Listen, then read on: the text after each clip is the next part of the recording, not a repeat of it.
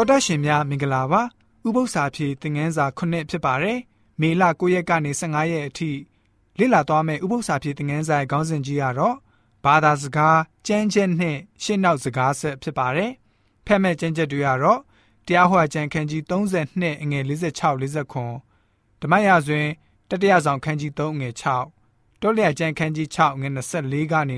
26ကပောက်ကျမ်းခန်းကြီး1ငယ်26 29 ကပောက်ကျန်းခန်းကြီး2ငွေ15ကနေ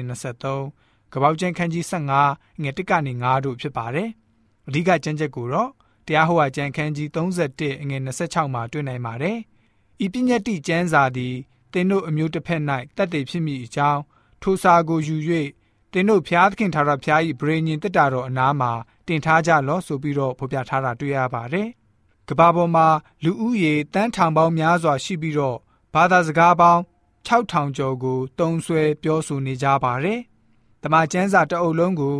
ဘာသာစကားပေါင်း600ကျော်နဲ့ပြန်ဆိုဖြန့်ချီထားပါတယ်။ဓမ္မတကျမ်းနဲ့အခြားသောဓမ္မဟောင်းကျမ်းအစိပ်ပိုင်းတချို့ကို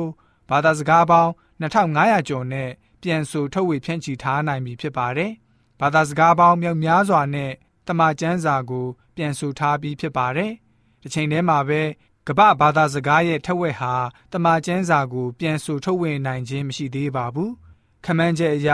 လူဦးရေတန်ပေါင်း1500မှာသူတို့ရဲ့ဘာသာစကားအဖြစ်တမန်ကျမ်းစာလုံးဝမရှိသေးကြောင်းကိုသိရပါတယ်။ကျွန်တော်တို့ဟာအဲ့ဒီအကြောင်းကိုမေ့ထားတတ်ကြပါတယ်။လူများစွာတို့ဟာကျမ်းစာကိုမဖတ်ရသေးပါဘူး။ဥရောပတိုက်အတွင်းမှာပဲ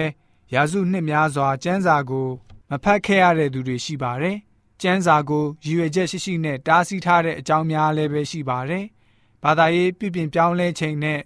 စာပုံနှိပ်ထုတ်ဝေရေးတိုက်တွေကိုကျွန်တော်တို့ကျေးဇူးတင်ကြရမှာပဲဖြစ်ပါတယ်။ဖျားရဲ့ကျေးဇူးတော်ကြောင့်သူတို့ရဲ့လှုပ်ဆောင်မှုတွေကတမန်ကျမ်းစာမြောက်များစွာကိုဖြန့်ချိနိုင်ခဲ့ပြီဖြစ်ပါတယ်။တမန်ကျမ်းစာကိုလက်ထဲရှိနေတဲ့ကျွန်တော်တို့ဟာလည်းပဲဝိညာဉ်တော်ပြည့်ဝပြီးတော့ကျမ်းစာကိုလေ့လာပြီးဖျားသခင်ဖော်ပြတော်မူတဲ့အကြောင်းအရာတွေကိုသိရှိဖို့ကြိုးစားကြရမှာဖြစ်ပါတယ်ဆိုပြီးတော့ ဥပုံနဲ့ဥပု္ပ္ပစာပြေသင်ခန်းစာက